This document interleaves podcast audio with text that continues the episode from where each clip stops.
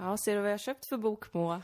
Det är en bok med eh, en liten tant. Den köpte jag på antikvariat. Du, den handlar om konungar. Yes! Sveriges Yes, yes, yes! regenter i tusen år. Åh helvete vad kul. Jajamensan, den köpte jag för att, eh, ja, nej men jag ville köpa något trevligt till vårt nya jobb. Ja, för nu får vi ju berätta om det vi ska göra. Ja! Halleluja! Prisa, Prisa Kristus. Gud. Eh, och allt annat som eh, man tror eller inte tror på.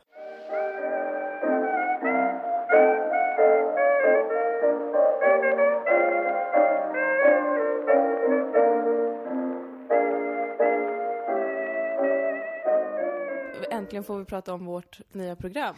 Ja, vi ska göra ett comedy show, Ja. som jag kallar det. Humorhimlen med Dilan och Moa i P3. Det är ett lite konstigt namn. ja.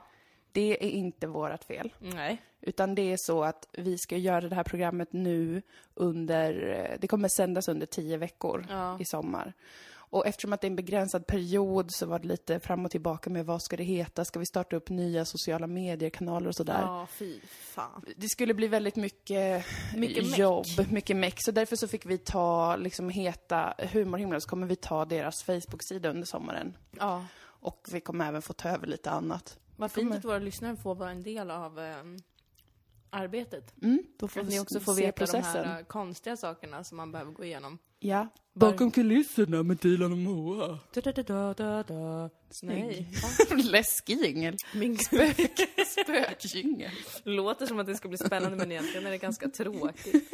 Med samtal om hur lätt det är att få något att flyga på sociala medier Ja, på sommaren. Sånt tycker jag är jättetråkigt faktiskt. det är faktiskt lite tråkigt. Vi ska bara göra exakt det vi tycker är kul. Mm. Så får vi hoppas att ni, våra kära lyssnare, vill lyssna. Ja. Det kommer sändas på lördagar, en tidslag, klockan. Kla- eh, mellan 16 och 18 tror jag det är. Och premiären är 18 juni. Då Mm. vi, vi har löst det här så bra, Dilan. Ja, För vi ska få göra exakt vad vi vill. jag vet. Det ska bli så himla, himla, himla roligt. Alltså den här, vi, den, åh gud, den här otroliga friheten Mm, eh, vi har lagt upp mm. i denna show som vi ska skapa tillsammans. Gör mig, listigt. jag känner en sån eufori. Jag med. Och jag kom på det här, vi kan ju fråga eh, nu våra poddlyssnare om de har någonting historiskt eller samtida Mm. som de anser inte varit utrett. Någon fråga vi ej har fått svar på. Ja. Något ni gärna skulle vilja veta mer om. Det kan vara som sagt en historisk händelse eller Mm. någonting som pågår just nu. Skriv det till oss kanske på vår Facebook-sida Dilan och Moa eller på Instagram Dilan och Moa. Vad är jag för en reklamtjej? Mm. Du är jättebra på, du är jättebra på internet. Men det här är ju en verklig önskan jag Det har. har jag har tyckt varit lite jobbigt nu när vi skulle lansera programmet. Ja. Att du är så mycket bättre på att skriva om saker i sociala medier. Men jag vet ju att jag måste hjälpa till och, och skriva om saker i sociala Jag kan ju inte bara inte skriva om saker i sociala medier för att jag tycker att det är tråkigt och att jag skriver väldigt oinspirerande. Nej, Men jag tycker inte du gör det. Du är så bra på sånt. Tack, vad Jag vill glad att jag du blir. ska Men- veta det. Det gör, mig, det, är en, det gör mig glad, men jag tycker verkligen inte att du är dålig på det. Jag tycker att du är jätterolig på alla sociala medier. Och det här är inte smör, utan det här är bara sant. Tack gumman. Som man säger. Tack gumman. Men det kan bli sådär när man, eh, för att vi gör eh, reklam för exakt samma saker, för att vi jobbar med samma sak. Så det är klart, jag är oftast kanske snabbare, att jag lägger upp först, för att Ja. jag eh, är lite lite hetsig mer på sociala medier. lite liksom intensiv. Så då kan jag förstå att det kanske känns så, men det är inte så. Ja, nej, ja, jag vet inte. Jag tycker du bara ska ta åt dig av mina komplimanger. jag gör det. Men ja, snälla hör av er för att det är ju det programmet är till för. Vi ska Ja. lösa vetenskapens största mysterier. Precis. Med hjälp av våra kunskaper som historiker och samtidsforskare. Ja, och jag vill gärna, om ni vet till exempel ett eh, historiskt slag Mm. Där det händer någonting särskilt eller någonting, wha- whatever, det kan verkligen Mm. vara vad som helst. Det är det som har varit så otroligt listigt från vår sida, att vi har Ja. gjort ett programformat där vi kan göra exakt vad vi vill. Ja. Det känns eh, faktiskt toppen. Shoutout till alla invandrare. Mm. För här kan man ju skicka in så här, ja men det här är en jättekul historisk händelse som aldrig får någon uppmärksamhet på grund av koloniala tjotafräsfittor. Exakt! Eller hur? Det kan vara vad som helst, tänk inte eurocentriskt, för det gör jag nämligen. Så att det, det är ta redan... bort det. Eller ta med det menar jag. Skoja. Då, dumt skämt. Men för det, men för det, är ju, det tänker jag mycket på att det är jag också. Ja. Eurocentric.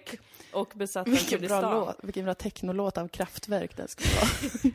Eurocentric show program. Eh, jättegärna em, Sydamerika. Mm. Är jag nyfiken på. Mm. Toppen. Och också Västindien. Ja. Får man ens säga Västindien? I don't know man. Är det taskigt nu för det? Jag har fått lära mig att man inte får säga bög längre. Okej, Utan man ska säga B-ordet istället. okej.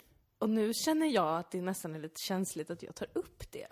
Jag har aldrig hört att man inte skulle kunna, eller att det skulle vara kränkande, för jag antar att det är, Ja, alltså att det är... precis. Att det är kränkande. Men det, det var det ju från början och sen reclaimade ju alla det ordet. Ja, visst. Och nu är det, nu är det bortclaimat igen tydligen. Jaha. B-ordet. Men det tyckte jag var, vet ni vad jag ska säga? Om det är någon bög där ute som blir kränkt av mig nu så vill jag verkligen säga så jag ber om ursäkt. Men jag tänker fortsätta säga bög. Ja, jag kommer nog... Men det får inte jag det. säga tydligen för att jag inte är bög. Och då, kan, då får inte jag bestämma mig för det. Nej, just det, det, det är att det handlar väldigt mycket om, eh, alltså då på, en indiv, på ett individuellt plan, Ja. om man är i rätt position för att använda vissa ord. Men man kan ju också ha ett samtal om rent hur man tänker kring språk och vilken, Ja, det kan man ha. eh, där kan man ju få ha olika åsikter oavsett vem du så att säga är. Ja men så var det inte här. Här var det väldigt bestämt att man inte får säga bög. Det roliga var att det var en straight kille som sa det till mig. Okej. Så, ja. Och sen sa min vän bögflickan som jag hittade i en hotellhiss, så, så sa han ju det, eller hen sa det att, säg du det.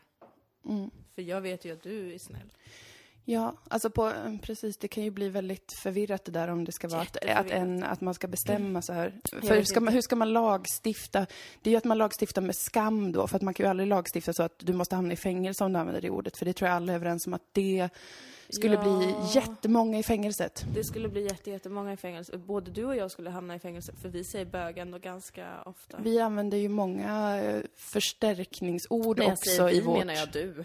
Ja, precis. Alltså, eh, en, en del i att, att skriva humor tycker jag är att man ibland använder sig av ett ganska slängigt språk Mm. och liksom generaliseringar och så vidare för att skapa en Och effekt. själv- Det behöver inte vara för att man vill sätta dit någon för att man tycker att det är weird med homosexuella, utan det kanske är snarare att man eh, använder språket på ett sätt för att eh, få fram en annan poäng. Ja. Och det är därför jag kan personligen tycka att det är lite, lite liksom eh, mm, läbbigt med att eh, man att det ska vara sån skam kring liksom att om man använder fel ord så är man en ond person. Mm.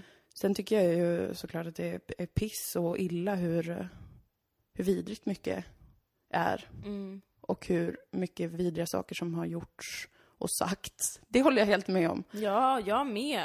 Jag är ju inte Robert Gustafsson på riktigt. Inte fullt ut. Inte fullt ut. Jag är bara honom till en viss gräns. Mm. Sen är jag ju inte dum i hela jävla huvudet. Det är inte som att man bara Ord är bara ord och det finns inget mer. Jag får Ja. använda vilket ord jag vill. Det är klart att det språket är en, ett, ett maktuttryck. Men eh, man kan ju fortfarande som sagt ha en, en åsikt om att eh, det, att språket ska få vara på ett eller annat Ja. sätt. Även fast man själv kanske är straight då. Jag vill ju fortfarande utrota alla homosexuella män oavsett vad jag kallar dem. Du säger B-ordet och, och drömmer samtidigt om att liksom deportera alla bögar. Äsch! Vad, vad jag håller på. Vi håller på Det är för lite. att jag är så himla pirrig idag. För att vi äntligen kan prata om att allt är över samtidigt som allt börjar. Ja, du gör din... Förlåt för att vi tog en sån snabb och slängig tur där runt vilka ord man. Vi kanske får återkomma kring det någon annan gång. Du gör som du vill med det där. Du kan ju klippa bort om du skulle vilja det. Men annars så, förlåt oss. Vi, vi bara tassade på ett väldigt känsligt område som i vår tid är liksom en av de eh, mest explosiva debattområdena som är så här, vem får säga vilka ord? Vi bara, eh, får man säga bög? Ja men jag tror Alltså, B-ordet... till mig att jag inte får säga det nu. Jag är lite irriterad. Jag älskar att säga bög, bög, bög, bög, bög, bög. Jävla fittunge man är alltså. Men, ehm, Det är diskutabelt, allt. ja, Jag tycker det är spännande och jag eh, pratar gärna om detta någon gång. Ja, Men jag, gud, jag eh, med. Jag skulle gärna inte göra det nu, för att nu är jag mer glad. jag är glad i hågen. Glad i hågen. Livet, livet ler mot oss. Än så länge. Eh, Du gör din sista sändning med Tankesmedjan imorgon. en sista sändning ska det bli. Ja. Och sen är det slut mellan Fem mig och säsonger Fem jobbat. säsonger. Det är lika länge som jag jobbade där. Ja, Med skillnad att du inte blir utlasad. Nej, precis. Det tycker jag är lite coolt Det är nästan. kaxigt. Ja, det känns lite cheeky. Du väljer mig framför tankesmedjan. Ja, det gör jag. Det, och det är inte för att jag hatar tankesmedjan. Nej. Men eh, jag vill bara jobba med dig. Yay! Det tycker jag är så trevligt. Jag med. Och eh, vi, ska, vi ska leva på ruinens brant tillsammans. ja. Utan pengar, men med jättemycket. Jo, vi får, vi får ju lön nu. Ja, nu får vi lön i sommar. Det är höst är trevligt. lite oklart. Vi får se hur Jo, det, vi kommer hur få det löser lön. sig. Men... eh, Det ska ja, bli så jävla, jävla, jävla, jävla kul. Det ska bli jättekul, men jag märker också att jag är väldigt, alltså jag är, den här veckan är, är väldigt omtumlande. Ja, det är klart. Och jag trodde inte att det skulle vara det. Nej. För att jag har ändå, jag har ju vetat så himla länge att vi ska göra det här. Mm. Och jag har vetat ett tag att jag ska sluta på tankesmedjan. Mm. Och jag har varit så, det känns bra, det är lugnt, det är klart det är lite tråkigt då, eller så här, ja, jag ska lämna ett ställe jag har varit på i två och ett halvt år, det Ja. kommer väl kännas, men det ska bara bli kul. Nej, alltså jag har varit ett vrak den här veckan. Mm. Det är inte konstigt. Det är Jag en tycker det är jättestor omställning. Det stör mig. I måndags, Mm. alltså jag skulle, jag skulle hem till min vän. Mm. Och eh, hennes telefon hade dött, allt var lite komplicerat. Jag fick vänta en stund och sen så gick jag för att jag var så här, jag får inte tag på henne, så då går jag väl hem. I vanliga fall hade jag gått hem och så hade jag väl varit lite irriterad och bara, jaha, men okej, men då får vi höra sen och sen ses vi och så hade jag varit glad. Men alltså jag blev så arg. Jag blev så ledsen. Och hela den dagen hade jag bara velat gråta. Jag satt typ och kollade på klipp från Kurdistan och typ kollade på sönderbombade byar och läste artiklar och typ började sen nästan helt destruktivt så här, kolla upp alla våra hemstäder och bara, vad har hänt? Vad har hänt? Uh, uh. Satt och typ, satt på jobbet och var liksom helt så här. Och sen kom jag hem och så hände det med min kompis och så gick jag hem till en annan kompis och var bara så här jättegnällig och sur och förbannad och allt var skit och sen så bara Kanske är för att det är lite känsligt just nu. Det är mycket känslor. Nu är jag typ förkyld. Ja, men det blir du alltid när det händer mycket saker. Alltså det är helt otroligt. Jag fattar inte. Du, Men- jag, men jag tror att du är jätteömtålig för stress. Att du är väldigt mottaglig för en stress. Men det är det jag inte förstår. För att jag, om vi tar, säg eh, för några år sedan. Mm. Då, jag pluggade juristprogrammet. Mm. Jag var med i SSU. Mm. Jag hade, vid ett tillfälle hade jag fyra extra jobb. Då blev jag inte förkyld hela tiden. Nej, men då var det väl uppe i ett sånt tempo som man är i vissa perioder. Ja, för Där sen man är jag fullkomligt... Ja, sen kraschar man ju ner i liksom stenbotten. Är det, efter, är det som när man har fått eh, klamydia? Att man har lättare att få klamydia sen om och om igen? Ja, det Att skulle jag nu kunna tro. Alltså det, det är ju bevisat att stress påverkar ditt immunförsvar. Ah. Skoja, jag vet inte om det är bevisat faktiskt, eller om jag bara Nej, läste på någon konstig säga blogg. Jag vet. Jag för mig att det är bevisat. Men det måste vara bevisat.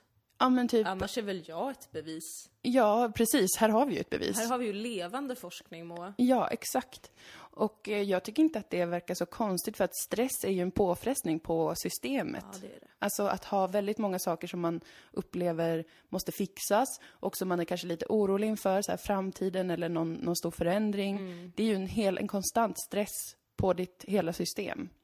Det Ehm, sant och eh, därför är det inte heller konstigt då att kroppen kanske inte fungerar helt flawless, utan är mer mottaglig för en ett virusinfektion. Ja. Alltså nu, jag vet att det här låter som jättemycket pseudovetenskap, och då får det väl vara det. Men har inte jag sagt tidigare här att allt kan vara sant? Jo, det har du sagt, och jag Och respekterar det. Om du säger det. här till mig och jag väljer att tro på det, det. Mm. då kommer det vara lika sant för mig Ja. som det är sant för Islamiska staten att de ska slakta alla människor som inte är Alla barn. otrogna hundar. Ja, Ja, exakt.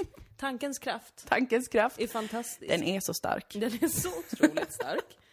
Jag älskar det. Ja, det är otroligt. High on life! Men, eh, men oavsett så att säga vad vetenskapen säger så är det ju ett faktum att du har blivit ordentligt sjuk vid liksom flera tillfällen när det har hänt väldigt många saker under en kort tid. Så har du fått Ja. en liksom riktig jävla sjuka. Så har hela min Malmötid sett ut egentligen. Mm. Jag kommer ihåg när jag var ny i Malmö, jag, och det är också fint på något sätt. Att jag flyttade ju ner hit för att börja på tankesmedjan. Mm. Och nu är det Tankesmedjan brought us together. Ja! Kan vi prata om det? Ja. Först ska jag bara nämna att typ bland det första som händer mig är att jag blir jätteförkyld. Jag har precis börjat på Tankesmedjan. Vi ska ta emot ett pris på Nöjesguiden. Ja, just det. Och jag blir typ matförgiftad eller någonting. Och får Din kropp att ta vilken väg som helst ut ur den stressiga Jag vill situationen. aldrig behöva uppleva stress. Och så är det ju P3 Älskar har jag missat. Mm, våran show. Oslipat har jag missat. Ja. Ja, gud. Det är fruktansvärt. Och alla de grejerna har ju legat liksom precis intill att andra saker också har varit intensiva. Ja. Det har inte bara varit så här jättelugnt, jättelugnt, nu är det en show. Utan det har varit många saker som har Ja. föranlett, alltså ett hetsigt schema. Och du vet, i höst när vi båda ska frilansa, då kommer jag sätta ett schema för dig och för mig som gör att du ska få ta hand om dig själv riktigt Ja. mycket. Vårda din sömn. Mm. Vi ska träna lite grann då och då Ja. för att liksom må bra psykiskt. Ja. Ska äta rimligt Ja. äta bra mat. För alla de här, som jag många gånger har sagt, tråkiga vuxengrejerna, ja. eh, de är inte att underskatta. Nej. Alltså det, det, jag har bara accepterat det nu. Det är superbra. Och jag tycker att man kan äta kakan och ha den kvar. Alltså man Mm. kan fortfarande ha sina eh, urballningar. Och ibland Ja. så kommer man vara hur som helst destruktiv och inte kunna påverka det så mycket med hjälp av typ mitt livsstilsbeslut. Ja. Men om man är i en sits där man faktiskt kan eh, psykiskt ta sig an, Mm. att försöka ta hand om vissa så här basic grejer, Ja. tycker jag att man ska faktiskt ta det som ett projekt till sitt hjärta. Man ska ha en, en stabil grundnivå. Ja. Det är som med hästar. Mm. Jag minns när jag red. Mm. Och så frågade jag någon som jobbade på stallet. Men varför måste jag hålla på och borsta hästen innan den ska ut i hagen om den ändå ska rulla runt i leran? Ja. Då sa hon att, ja, precis det här då. ja. Det var, då, det var då jag fick den grundnivå. insikten i livet. Det var tidigt. Ja, det var tidigt. Jag fick ju den här för ett och ett halvt år sedan. Ja, när jag fick den på ridskolan då.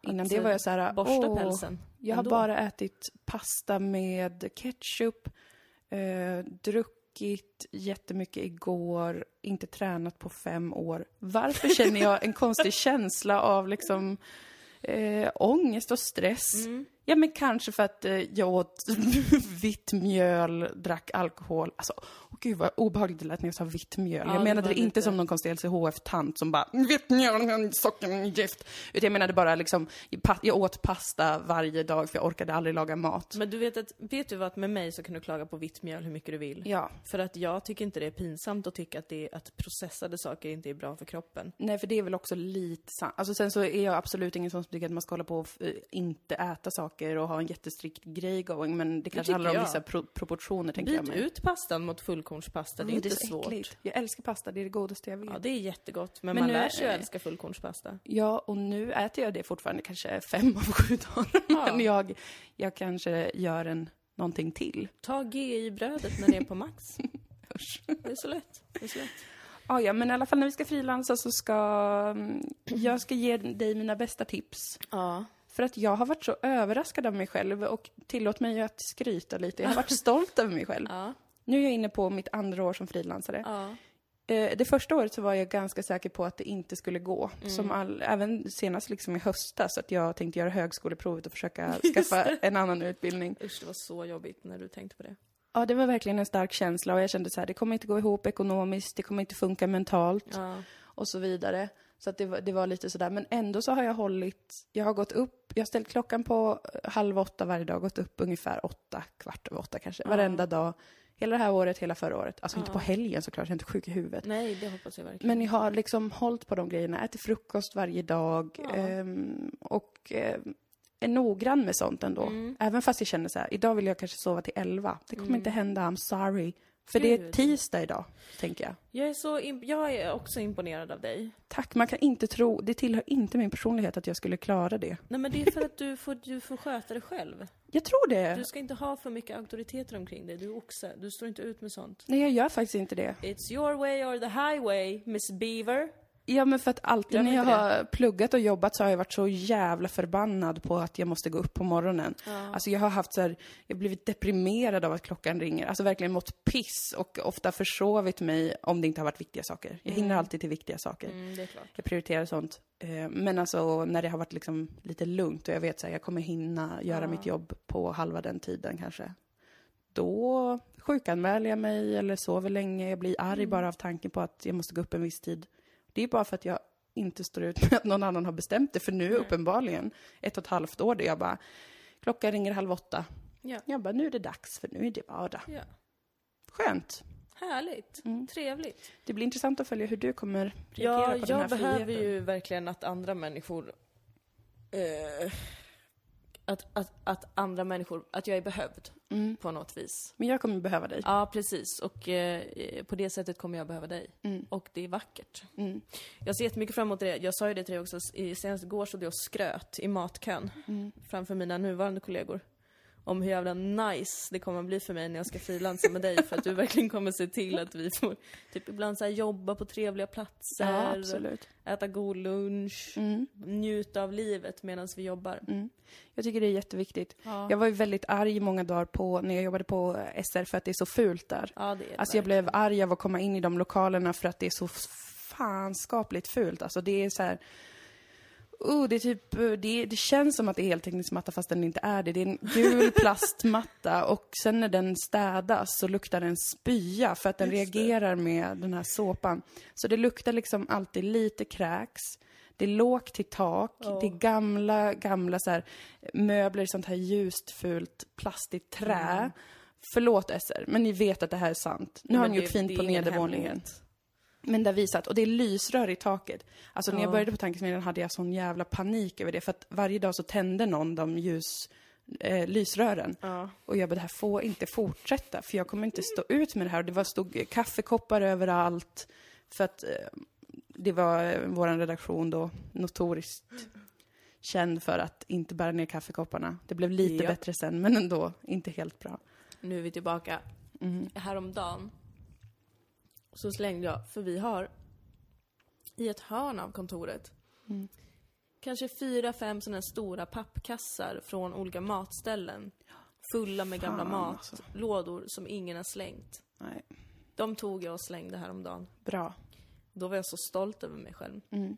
Tankesmedjan är, är av tradition en ganska äcklig redaktion tror jag. Ja. Det blev lite bra en period när jag jobbade där, när jag satte upp vimplar och ljusslingor och försökte sätta upp saker på väggarna och möblera om lite och ta in någon växt och sånt där. Men jag orkade inte i längden. Sen du har försvunnit så har ljuslyktorna eh, inte tänts en enda gång. Nej. Och blommorna dör Ja. på löpande band. Nej men jag har, ju, jag har ju valt att bestämma mig för att jag tänker inte skämmas för att jag är estetiskt besatt av att det ska vara fint.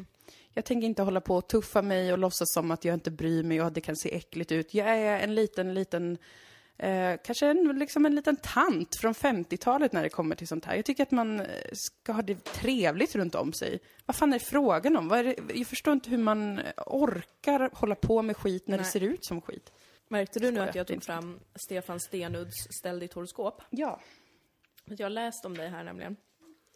Bra, jag älskar att få skylla på horoskopet för då kan man inte dra så paralleller till typ min klasstillhörighet och sånt. Nej, att det är att precis. jag försöker bara rengöra mina omgivningar för att klättra, Precis. klättra i, i den socioekonomiska hierarkin. Men det är ju så att planeten Venus härskar över ditt eh, tecken, oxen. Mm. Och jag tycker att det förklarar att du älskar det estetiska så otroligt mycket. Ja, skönt. Eh, för att Venus är en sån härlig estetisk planet. Mm. Ehm, en positiv kraft. Den allmänna kärlekens planet kan man säga, skriver Mm. han. Ehm, det är spännande, för att det förklarar ju också... Äntligen har jag förstått varför jag och min syster är så olika, fast vi båda är jungfrur. Och Mm. det är för att hennes ascendent står i vågen, Mm. som också styrs av Venus. Mm. Medan min ascendent står i lejonet. Mm. Du är inte lika brygg, Gud. men du har ju fortfarande du har rent och fint omkring dig och sånt ja, där. det är nog min jungfru-sida tror jag. Men Ja. eh, det är ganska plottrigt också.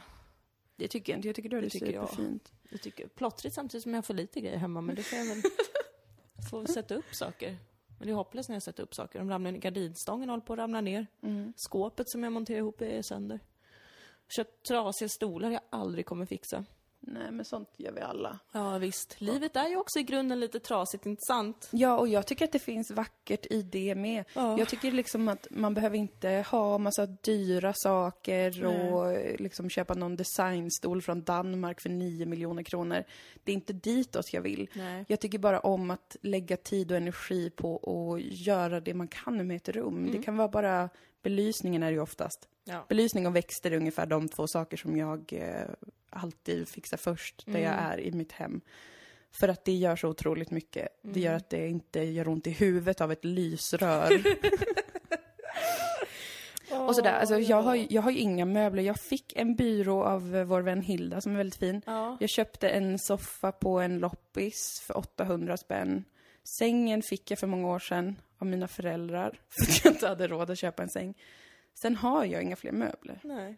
Det enda jag har köpt är mina växter och mina lampor. Ja.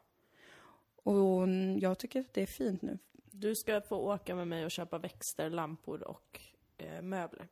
Mer växter skulle du faktiskt kunna ha. Du kan ju ta hand om dem också, det vet jag. Fast nej, är du? Jo, det kan du. Fast lite, jo. Jag har ju en blomma i köket nu som faktiskt inte har dött än. Mm. Det är ju mycket vilket läge man bor i. Ja, Så att man ska inte vara för hård mot sig själv om man märker att vissa växter dör. För att det kan vara mm, baserat på liksom om de ska stå i Ja. söder eller norrläge eller vad det nu är. jag behöver bara blommor som jag inte behöver vattna så ofta. Du borde faktiskt fixa en monster hit in.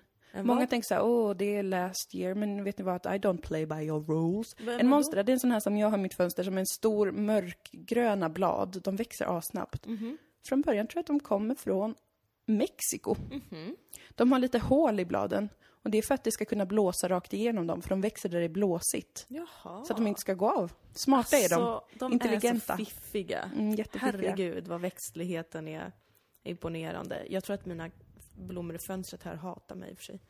Men det där är såna riktigt tjockbladiga gröna, de där överlever vad som helst. Ja, Ju tjockare blad, ju mörkgrönare, desto mer eh, tål de oftast. De fick jag när jag var nyinflyttad i Malmö. Wow. När jag flyttade till Ribersborg Just fick jag det. dem av en vän. Jag hälsade aldrig på där, vad sjukt. Nej, det är inte så konstigt att du inte gjorde det. Det var så långt bort. Det var så fruktansvärt när jag bodde där. Ingen ville åka ut till Ribersborg. Och jag förstår dem nu. Åh, Det var så himla långt bort. Hopplöst alltså. Alla måste bo max fem minuter från Folkets park, annars Ja. orkar ingen besöka. Nej, nej, men det var ju till och med när jag bodde borta vid Södervärn så Ja. knorrade ju folk med att gå hem till mig för att det var lite för långt bort från typ Möllevångstorget.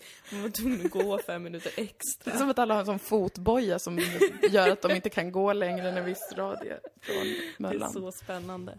Gillar Möllan så himla mycket. Gud vad trevligt det är. Jag gillar också Möllan väldigt mycket. Nu när jag bor borta liksom eh, vid Nobeltorget ungefär så ma- när jag väl går till liksom Möllevångstorget och är på Möllan så känner jag att gud vad trevligt det är här. Ja. Vilken spännande värld. För när jag bodde vid Södervärn så promenerade jag ändå genom Möllan till eh, jobbet och det gör jag inte nu. Nej. Så, att nu jag ser det mer- mer sällan. Mm, det är samma här, för jag flyttade ju till fem minuter bort från, jag bodde Mm. nästan precis vid torget.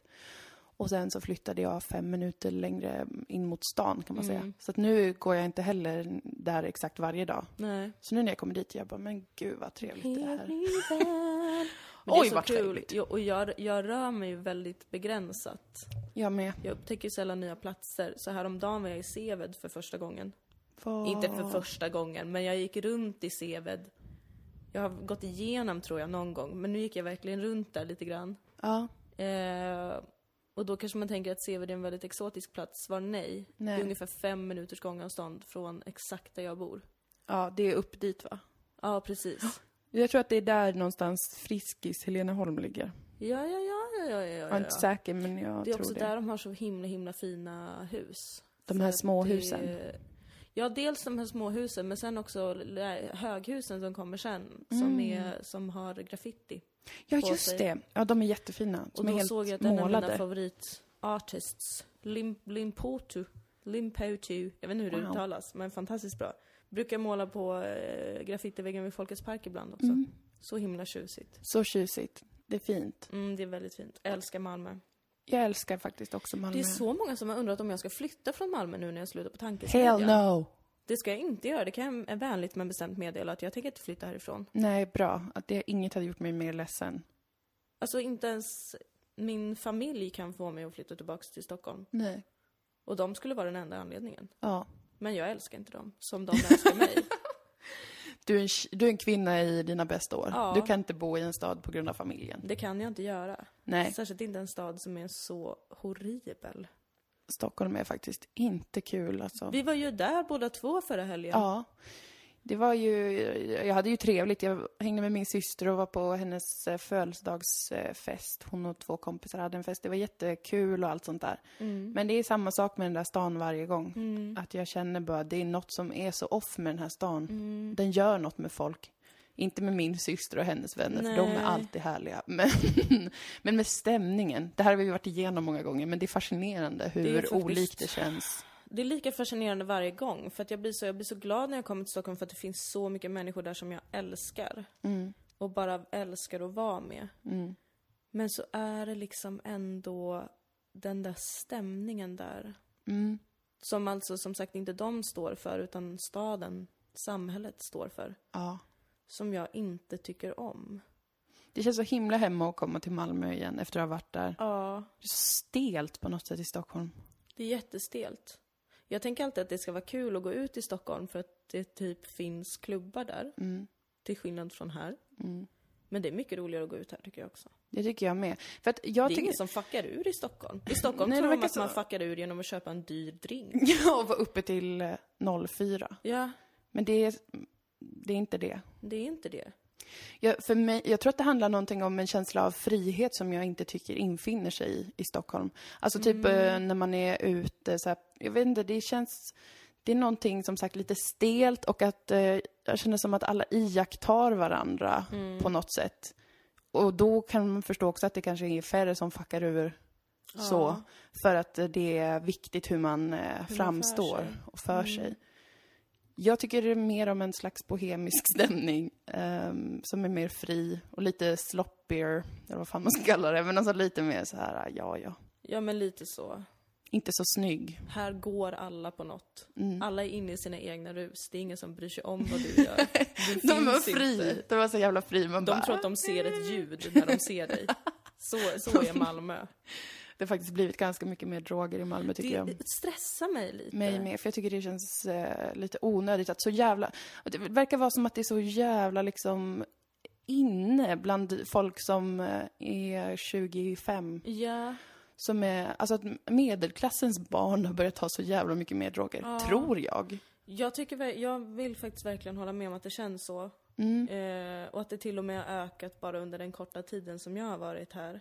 Ja, för jag tycker att nu, nu ser man och hör om det hela tiden. Ja. Att folk Alltså, tar tunga olika saker. droger Ja, då? precis. Inte bara att man röker Inte på sånt eller som inte är liksom. en grej.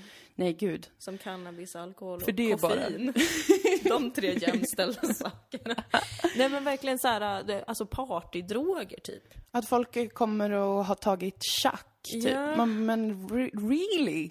Vad För fan? en helt vanlig hemmafest. Jag bara, uh, nej men vi förfestade och tog tjack. Mm. Jag känner bara att det är så himla för mig, eh, inte fest bara. Jag tycker Nej. bara att det är lite lame om jag ska vara helt ärlig. Det blir ju lite lame. Jag är en sån uh, nykterhet, ungdomens nykterhetsförbund, fast när det kommer till, nej det är jag inte. Nej det är du verkligen Men jag tycker inte. bara att det är trå alltså jag tycker att folk är tråkiga och konstiga när de tar tyngre saker. Alltså det är inte, det är inte, jag tycker inte det finns något stråk av att det verkar härligt eller spännande eller coolt eller fränt. Jag tycker bara att det känns lite Nej. deprimerande helt ärligt att det kommer så här något gäng med hipstersnubbar som har tagit massa koks. Va- Varför har ni gjort det? Vi är på en bar, typ. Vad fan är det frågan om? Ja, jag, jag förstår faktiskt inte riktigt vad de vill få ut av det. Jag tycker att man absolut, jag, jag, jag dömer ingen som unnar sig lite tyngre droger då och då. Mm. Eh, det tycker jag att man får göra. inte för att eh, jag gör det, det kan jag säga helt ärligt faktiskt. Mm. Men ehm, när, det blir så, när det blir som en sån del av att gå ut. Ja, och det är så tunga verkligen. grejer. Jag tycker att det finns en tid och en plats för allting. Och när det Ja. kommer till eh, kanske ja, men både koks och MDMA och allt sånt här som gör en eh, kanske mer speedad eller mer eh, euforisk eller vad det än är. Då tycker jag att tiden och platsen för det, det är ju på ett jätteroligt kanske rave eller en klubb som man måste, man vill hålla sig vaken hela natten och man vill va- att det ska bli ännu mer speciellt än att man bara ska däcka av en öl. Ja. Då, det tycker jag är en tid och en plats för tyngre droger. Men eh, på en bar, på Möllan, att det kommer folk som är uppenbart tjackade till en bar. Eh, Liksom, det känns så jävla deppigt bara. Det känns så jävla, jävla deppigt. Men, vad det är kanske mitt problem, att jag tycker att det är så himla vad det betingat med droger. Alltså jag hör om folk där jag blir förvånad över att, att just de har börjat med det. Mm. För att det är just så här, ja men typ medelklassbarn som man Mm. bara trodde skulle kanske supa. Ja visst, som börjar, börjar partydroga Ja. typ svin regelbundet. Och så, så samma i Göteborg ju, där verkar det ju helt extremt. Ja, det, ja, det är Göteborg. Och det har det väl säkert varit länge. Det är kanske att man börjar upptäcka det nu. Ja, det kanske är att vi växer upp bara. Och att man förstår vad som är tecken på att någon har knarkat. Innan som man bara, oj vad den här personen var superlustig. Men man förstod aldrig att Nu det var... förstår man att det är var- MDMA. Precis. Eller syra, förstår inte varför folk tar syra. Ligger det inte något i det namnet som gör att man blir Det lite låter avskräckt? otrevligt, tycker jag. Det, Det, låter är vasst. jättekul, men jag vill absolut inte uppmuntra någon Nej, att testa jag, det. Gör jag, inte det. Jag har inget som helst sug överhuvudtaget att ta tyngre droger. Alltså noll procent. Jag hade det en kort, kort period när jag var kanske 19-20 när jag Mm. tänkte tanken att det vore väl kul när man går ut i Berlin att eh, kanske ta MDMA. Ja, Det hade varit roligt. Men det hände aldrig för att jag var ändå liksom att jag kände bara det är inte värt det. Det är inte kul nej. det kan, jag har haft så mycket eh, problem med ångest och depression och liknande och att riskera att få en sån riktigt vidrig come down efter något sånt är inte värt det. Jag har svinkul av att bara dricka alkohol och, och dansa. Jag har inget behov av att det ska stegras ytterligare. Nej. 'Cause my life is so fun! I'm high on life. Men jag, är- jag är ganska glad och tacksam faktiskt över att jag inte heller någonsin egentligen har känt det behovet. Nej. Det här kan ni ta till er, min familj. Alltså min familj tror ju att jag är, är alkoholist, typ. Ja men det tror Och alltid ens jag- familj för att, Ja. ja. Eller och ens att föräldrar. jag typ ska testa alla droger som finns på hela planeten. De kan inte ta in att jag är jätterädd för sånt. Nej. Jag kan inte tänka mig, jag kan tänka mig att typ så här, ja ecstasy, det är säkert jättekul, Mm. men jag är livrädd Jag med. för vad som skulle kunna hända med mig. Mm. Jag tänker att alla droger innebär en total snedtripp som jag inte vill uppleva. Nej. Förutom att jag kanske tar lite kokain när jag fyller 32. Ja, men något sånt. Alltså man kanske drar en lina när man får en medelålderskris eller någonting. Det är väl de flesta. Ja, men eller bara att jag är medelålders och då lite mer i kontakt med mig själv. Mm. Och kan göra något sånt för att det kommer inte förstöra mitt liv. Nej. Nu är jag ju för labil. Ja, men jag tycker att det finns, alltså att det är att riskera för mycket för för lite. Ja. Jag tycker liksom inte, och det här är väl, det här är väl min stora skrytpodd nu låter det som. Mm. Men alltså jag har, jag har kul när jag går ut, men det handlar inte om hur full jag är. Nej. Alkoholen hjälper till för att det tar bort vissa saker ur mitt eh, sinne. Alltså Mm. en viss eh, liksom, nervositet och ängslighet. Den gör att det är lättare att slappna av i stora folkmassor. Mm. Och den gör att eh, det snurrar lite mer och är lite mer speciellt och sånt. Mm. Så därför tycker jag att det är kul att dricka alkohol. Men det som gör en kväll är ju vilka människor som jag är med. Mm. Och vilken feeling man får tillsammans. Och det låter säkert jättetöntigt, men det är ju sant. Alltså jag har inte kul automatiskt för att jag super, så varför skulle jag ha kul automatiskt för att jag tar en partydrog? Det kanske blir ännu mer konstigt, men det skulle också kunna bli ännu mer vidrigt. Ja. För att man kan ju få en snedfylla där man känner sig ledsen och kränkt av ingen anledning och känner som att man vill gömma sig. Men man Ja. är kvar ändå för man är full. Eller slåss. Eller slåss som du kan få feeling för. Ehm, och jag ser inte... Jag ser fan inte varför det skulle vara värt att ta tyngre droger. Jag tycker också att det är, jag tycker att det är lite freaky att prata med folk som är uppenbart eh, påtända på någonting. Mm. Det känns bara onödigt, typ. Det är ju samma sak som att prata med någon som är asfull när man är ute. Då är man ju bara så här, jaha, vad kul vi har det, du kommer ju inte... det- Du vet typ inte ens att du är här. Alltså det är inte... Det, jag tycker bara att det känns lite deprimerande socialt faktiskt. Jag kan tycka att det är kul att prata med folk som har knarkat. Det ska jag inte ljuga om. Det är inte kul. Inte att jag skrattar Nej. åt dem. Jag har inget emot det. Men jag, vill- jag vill bara att de inte ska må dåligt när de gör det. Ja, men du Jag vill är att man ska göra det. Jag vill att folk som är i sina 20-års åldrar Mm. ska vara lite ödmjuka inför hur labila vi faktiskt är. Även om man inte alltid inser det, så Mm. är vi jättelabila. Ja. Särskilt vi 90-talister. Och man kan åka Är på en inre det. resa som är bättre än knark. Ja, det kan man göra. Man kan få den, den liksom calm downen jävligt hårt bara av att tänka riktigt Ja. mycket ungdomar. Så testa bara ligga hemma i sängen och tänk på allt som är fel med era liv så kommer ni må lika dåligt som efter en, en tripp. Men jag är intresserad av LSD. Ja, det verkar spännande.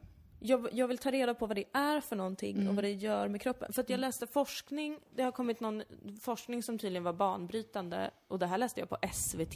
Så att jag har inte gått in på någon flummig knarksida via Flashback som Nej. är väldigt partisk. Ehm, om att forskare har upptäckt att LSD eh, aktiverar jättemånga delar av hjärnan på precis samma sätt som när man är ett spädbarn. Oj, vad roligt. Ja, det verkar jätte tar tillbaka allt jag har sagt. Och eh, jag har också hört om många som tar, som arbetar kreativt på olika sätt. Mm. Ehm, som tar lite LSD i sitt arbete. För när de behöver komma på typ Mm. nya grejer och sånt. Och det kan man ju först tänka låter otroligt destruktivt. Men jag blir också nyfiken. Som sagt, jag skulle inte våga göra det själv. Nej, Och jag skulle inte vilja ge så mycket pengar till någonting. nej. För att jag är noga med mina utgifter. Det är du, du är ansvarsfull. Men jag vill veta mer. Ja, men det vill jag också. Jag tycker att det är intressant vad olika typer av droger gör med hjärnan och vad det är. Ja. Alltså det är ju svinintressant. Eh, Sen att jag inte själv har något intresse av att, att ta dem betyder ju inte att jag tycker att det verkar helt bara lame. Jag fattar ju att det Nej. gör något med huvudet. Sen som sagt, eh, socialt så tycker jag att det är ganska lame när man typ ska sitta och prata med någon och den är helt, borta. Men det är för att folk alltid tar för mycket av allting också. Det finns ingen jävla sans. Så där är det med alkohol också. Folk fattar Ja. inte att det... Men också att de här forskarna eh, menade att det här var så spännande för att man eh, också kommer kunna använda det inom psykologin. Alltså Ah. för vård. Hmm. Av människor med olika psykiska besvär. Spännande. Ja. Det finns ju, jag tycker att det är jättemycket, jag har en vän som berättade om, det var någon drog hon tog som var, jag kommer inte ihåg vad den heter, det är någon ny cool drug. ja. Och då får, den är jättehallucinogen, Ja. vad fan man säger. Alltså man får så här jättestarka hallucinationer, man försvinner typ från verkligheten. ja. Den är, det verkar lite, ganska farligt. Men då i alla fall i den hallucinationen så eh, har flera personer som har tagit den drogen sett samma kvinna. Alltså, alltså sett, träffat, s- upplevt sig stöta på en kvinna som försöker hjälpa dem i deras eh, tripp. Va?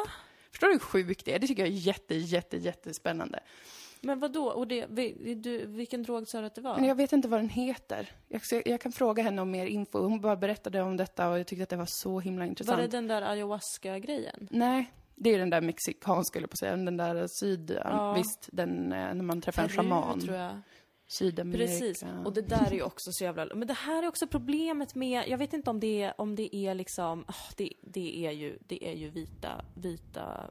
Den vita civilisationen som förstör allting. Alltså jag blir så trött. Med, med som vad? inte kan göra något med måttfullhet.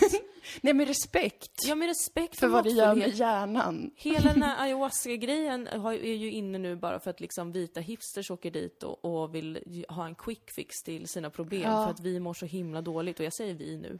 Ja, men För att det... jag, jag tycker att jag är mer en del av den kulturen än, Ja, än av det- den det är du. peruanska. Det är sant. Ja, det är det faktiskt. Ska åka dit och bara åh men jag tar den här drogen nu och sen ska jag in på en själslig resa. Gud jag bajsar på mig. Och så insåg jag att jag har blivit påverkad av att min pappa var alkoholist när jag var liten. Ja absolut, det hade du kunnat. Mm.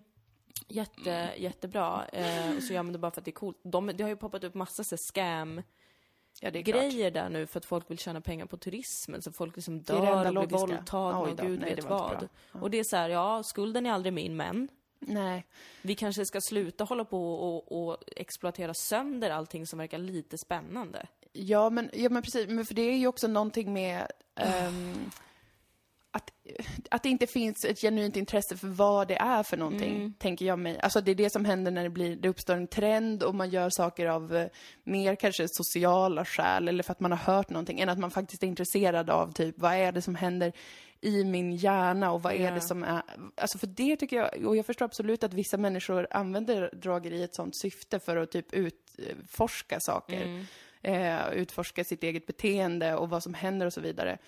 Men sättet att använda olika typer av droger på för att bara, alltså bara göra det. Det är som, jag får samma känsla som för när jag ser så här, du vet en fabrik där man odlar fram kycklingar Mm. och någon står och grabbar tag i en näve kycklingar och slänger i ett band. Det är någon sån här eh, för mycket Vilket, Ja, blir... vilken konstig liknelse. Det kanske är att jag har tagit droger innan den här inspelningen. Det skulle ju förklara väldigt mycket. Som gjort att jag fått, fått den här stora insikten om att, eh, att ta för mycket droger är precis som att jobba på en kycklingfabrik. Exakt, exakt. Väldigt stark. Eller så bevisar vi nog att man inte behöver ta droger för att vara Exakt. knasig. Men däremot har jag väldigt mycket respekt för eh, om man använder droger i, i, i ett sånt syfte att man faktiskt vill utforska sig själv eh, på olika sätt. Ja, Att man brukar narkotika med ett syfte. Ja men precis. En för tid och en plats för missbruka. allting. Ja, en tid och en plats för allting, det har jag full respekt för. Jag med.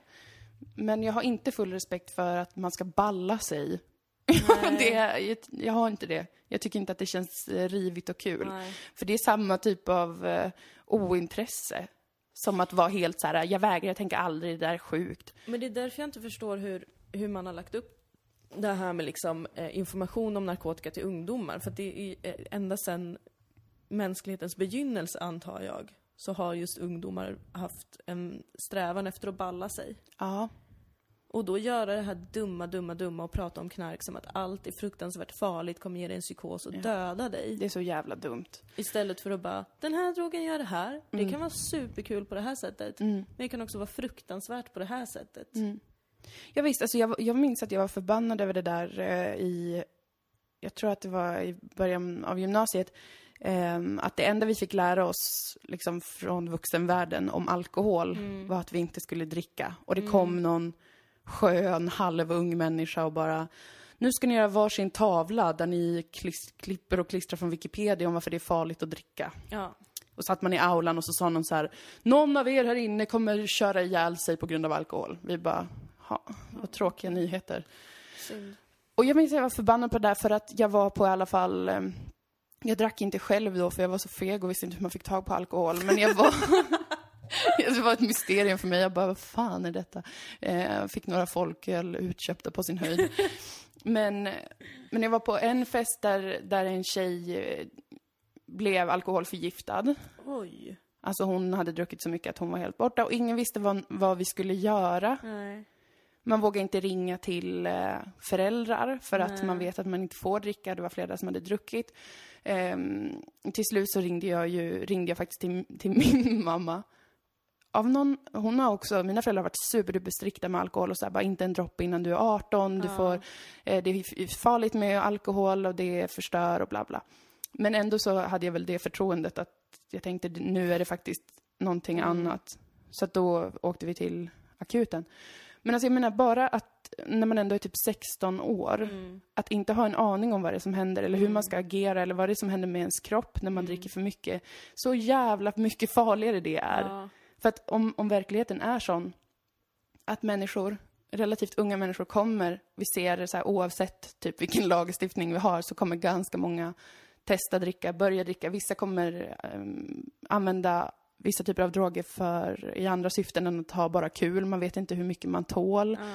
Vissa är ledsna och behöver fly från Ja. någonting. Alltså, det kommer hända. Och då tycker jag att det är så jävla pissigt att det finns en sån stämning att det här kommer vi inte, vi kommer inte förklara för er, för det skulle potentiellt göra att ni vill dricka mer. Ja. Eller vad är liksom, det är fucking beyond för mig att, att så många liksom unga människor antagligen riskerar Alltså i alla fall utsätts för mycket större risker på grund av att en vuxen värld har bestämt att det här gör vi inte. Mm. Och därför är det ni ska lära er är att det här gör vi inte. Samtidigt som vuxenvärlden verkligen gör det. Exakt. Det I är en, ens ansikte liksom. Ja.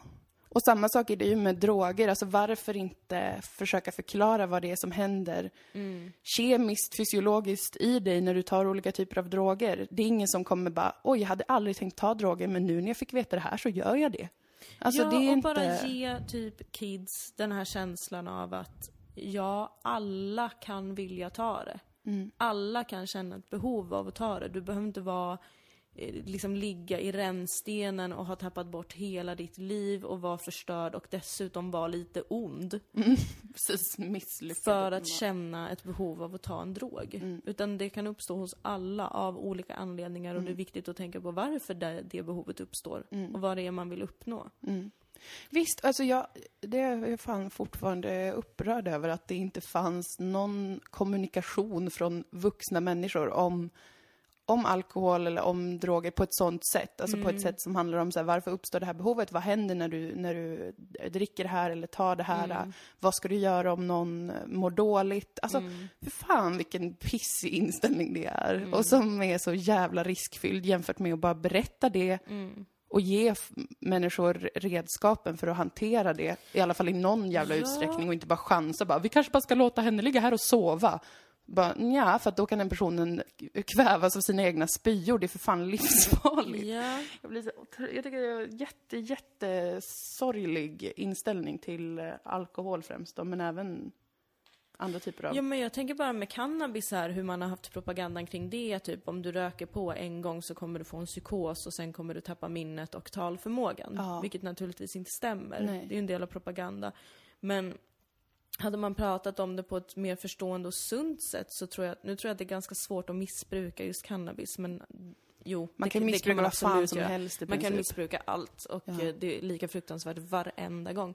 Men om man hade pratat om det mer typ, ja du kan röka på jävligt mycket och eh, ja, det gör att du blir glad. Mm. Och allting känns lätt och härligt och din hjärna aktiveras på ett underbart sätt. Mm. Men gör du det för mycket så kommer du inte kunna bli glad på egen hand. Alltså det hade för mig varit mer dramatiskt att höra ja. än att säga ah, du kommer få en skräckpsykos. För att även när man är 15 så fattar man att så här, "Mm, det stämmer kanske inte riktigt. Men visst, Eller? man, man vet om folk som röker hur mycket som helst och de får aldrig en psykos. Det är Exakt. inte, liksom, det är inte en effektiv eh, metod för att hålla... Och också så här bara, visst såklart att man vill skydda människor, man vill också skjuta upp så här när man börjar, när barn och ungdomar börjar med olika typer av droger. Man vill skjuta upp det så länge som Mm. Ja. möjligt för att det liksom Och det är bra. Ja, det är en rimlig sak. Men jag tror fortfarande inte att det mest effektiva sättet är att eh, ha en jättestor beröringsskräck för att Ja. prata om vad det egentligen är och varför man kan ha ett behov av att komma bort från sig själv eller ha ett behov av att bara ha kul. för Mm. Ja, det kan, vara, också det kan det. vara either way. Det Ja. behöver inte vara så här, oh det är destruktivt och jag står inte ut med mig själv. Ibland är det så här, jag vill ha något lite annat nu. Ja. För att nu var det kanske en, jag hade en tråkig vecka eller månad och nu vill jag att det ska hända någonting spännande som inte har hänt. Och det är inte jätteovanligt och det är inte Nej. fruktansvärt. Nej. Det är det Ska man låtsas som att det inte finns? Den aspekten känns också bara... Ja, Really? det är lite absurt. Jag tycker verkligen att det är något av det sjukaste vi har i vårt samhälle.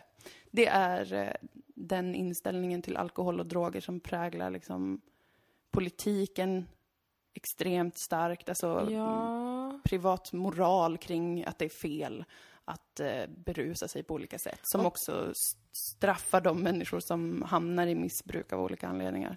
Och jag tänker att det är väl också därför som många ungdomar nu, alltså folk i vår ålder, är väldigt loosey-goosey med droger. För att man är så att den retoriken har gått lite för långt. Mm. Och då kan man istället själv avdramatisera droger väldigt mycket. Mm. För att man blir så, men det här extrema som ni sa, det stämde ju inte. Exakt. Då kan jag ta jättemycket droger. Det är en jävla backfire, någonting. Ja, och så blir det som någon slags såhär, åh vi är så himla drogliberala, en ny rörelse växer fram, la la la la la Mm. Det la. finns inga problem med Mm. att knarka innan man går till baren på kvällen. Det är något vi alla raffiga ungdomar gör. Och man bara, "Ah, fast du går ju inte att kommunicera med din jävla åsna.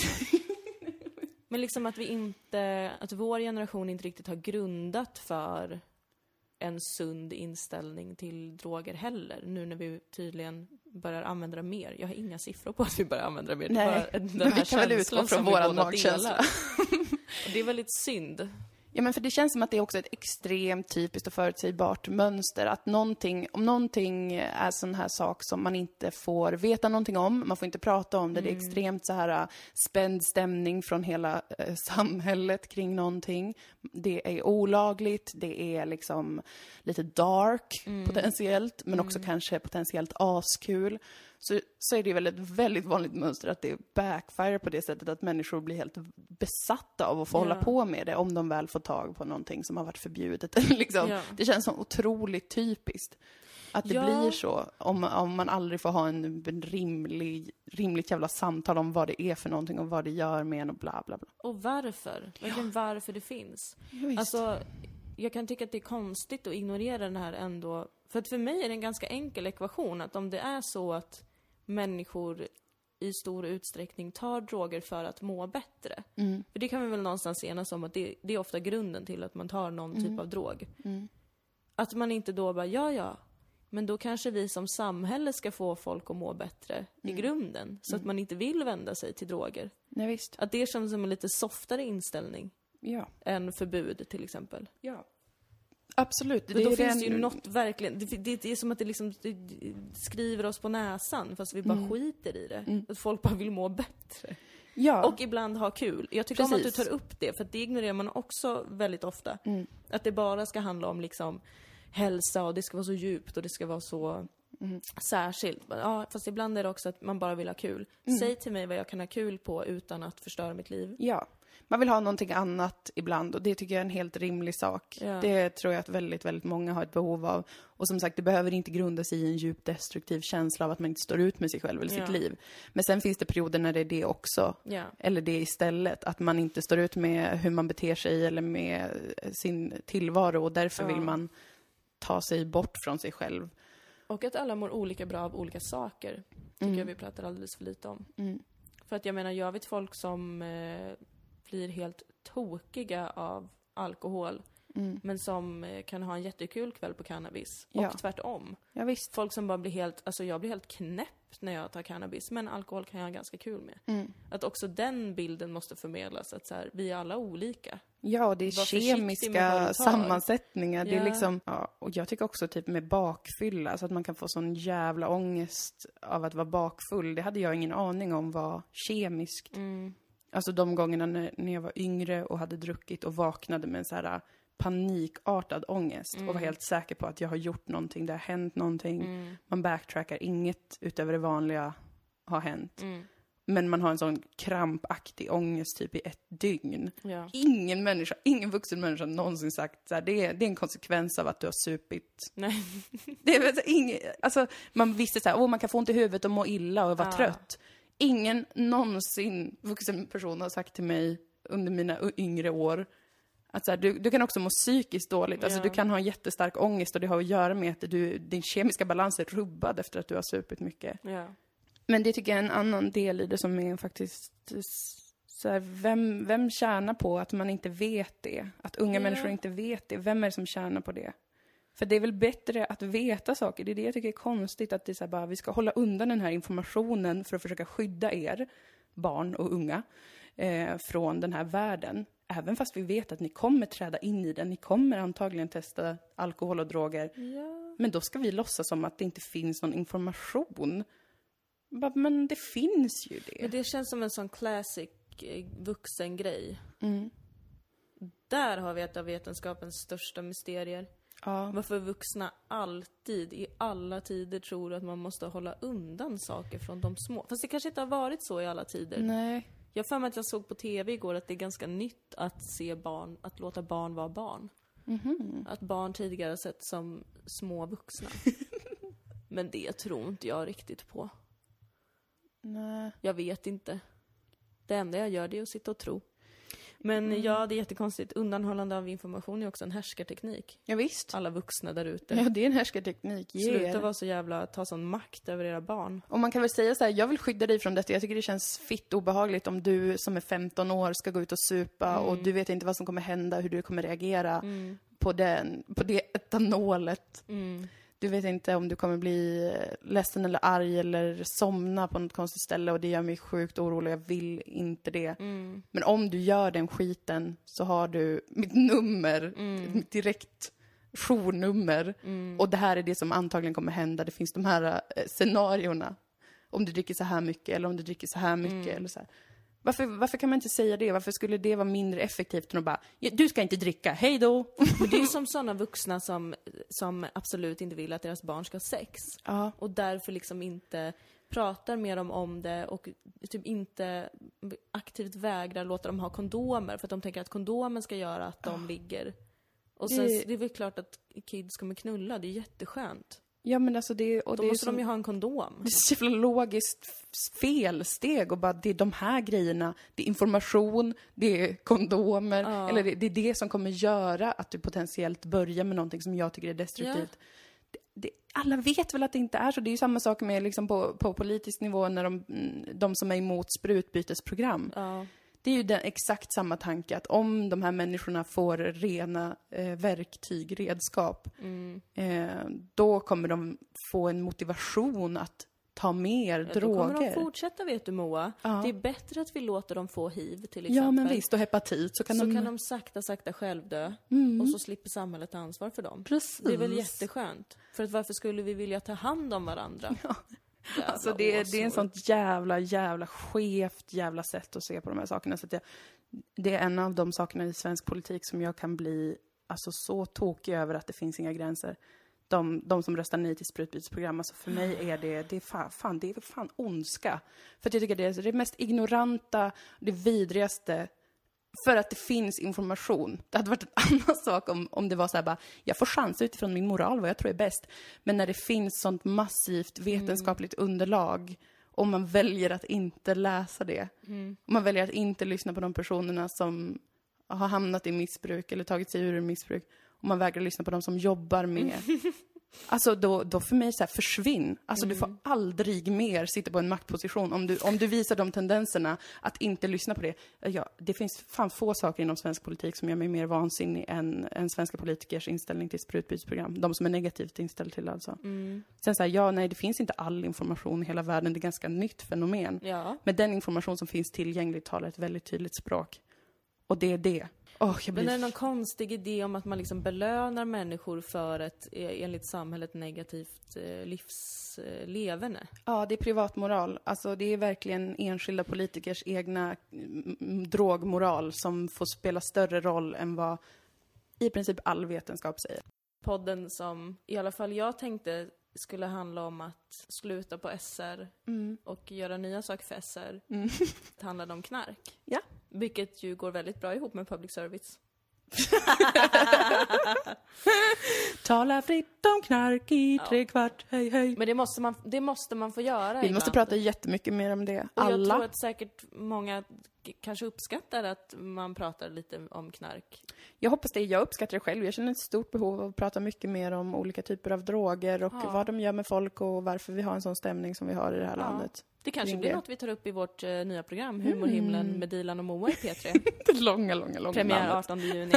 Vi ska också säga Ja. tack så jättemycket till en underbar lyssnare eh, som vill vara anonym, men som har eh, donerat lite snus till oss. Ja, så som himla eh, snällt. ett tecken på hennes kärlek. Och vi känner väldigt mycket kärlek tillbaka. Tack så jättemycket. Eh, ska också säga till dig som sov på vår föreställning på Babel, Mm. som har hört av sig Ja. och bett så mycket om ursäkt. Ja. Jag vill säga till dig, be inte om ursäkt. Jag var ingen fara. förstår. Det, jag, och ingen av oss var sura eller så. Vi, snarare tycker jag det är trevligt. Jag vill uppmuntra fler. Lite variation i publiken känns man bra. ska, om man kommer på vår föreställning, om det är som i det här fallet att man har dygnat, eller Precis. av någon annan anledning, och man känner att man behöver sova, gör det. Ja. Vi kommer inte bli sura. Nej. Tvärtom kommer jag bli glad. Ja, vi blev glada. Mm. Ja. Ja. Okej, men tack för idag. Ja, tack för idag, goa gubbar och gummor. Och så hörs vi nästa vecka, förhoppningsvis. Nu kommer ju vi börja jobba 100% med vårt nya program. Mm. Ja, vi men får flagga för att det kanske inte blir en gång i veckan i kanske blir fall. lite glesare, men det har det ju också varit lite då och då Ja, när det är mycket. Så att, det är inget eh, nytt är under solen. nytt. Nej. Vad mer, vad mer, vad mer? Det är inget mer, va? Nej, det tror jag inte. Nej, men då får ni ta hand om er tills vi hörs igen, hörni. Puss och kram! Puss och kram, ses på stan. Ja.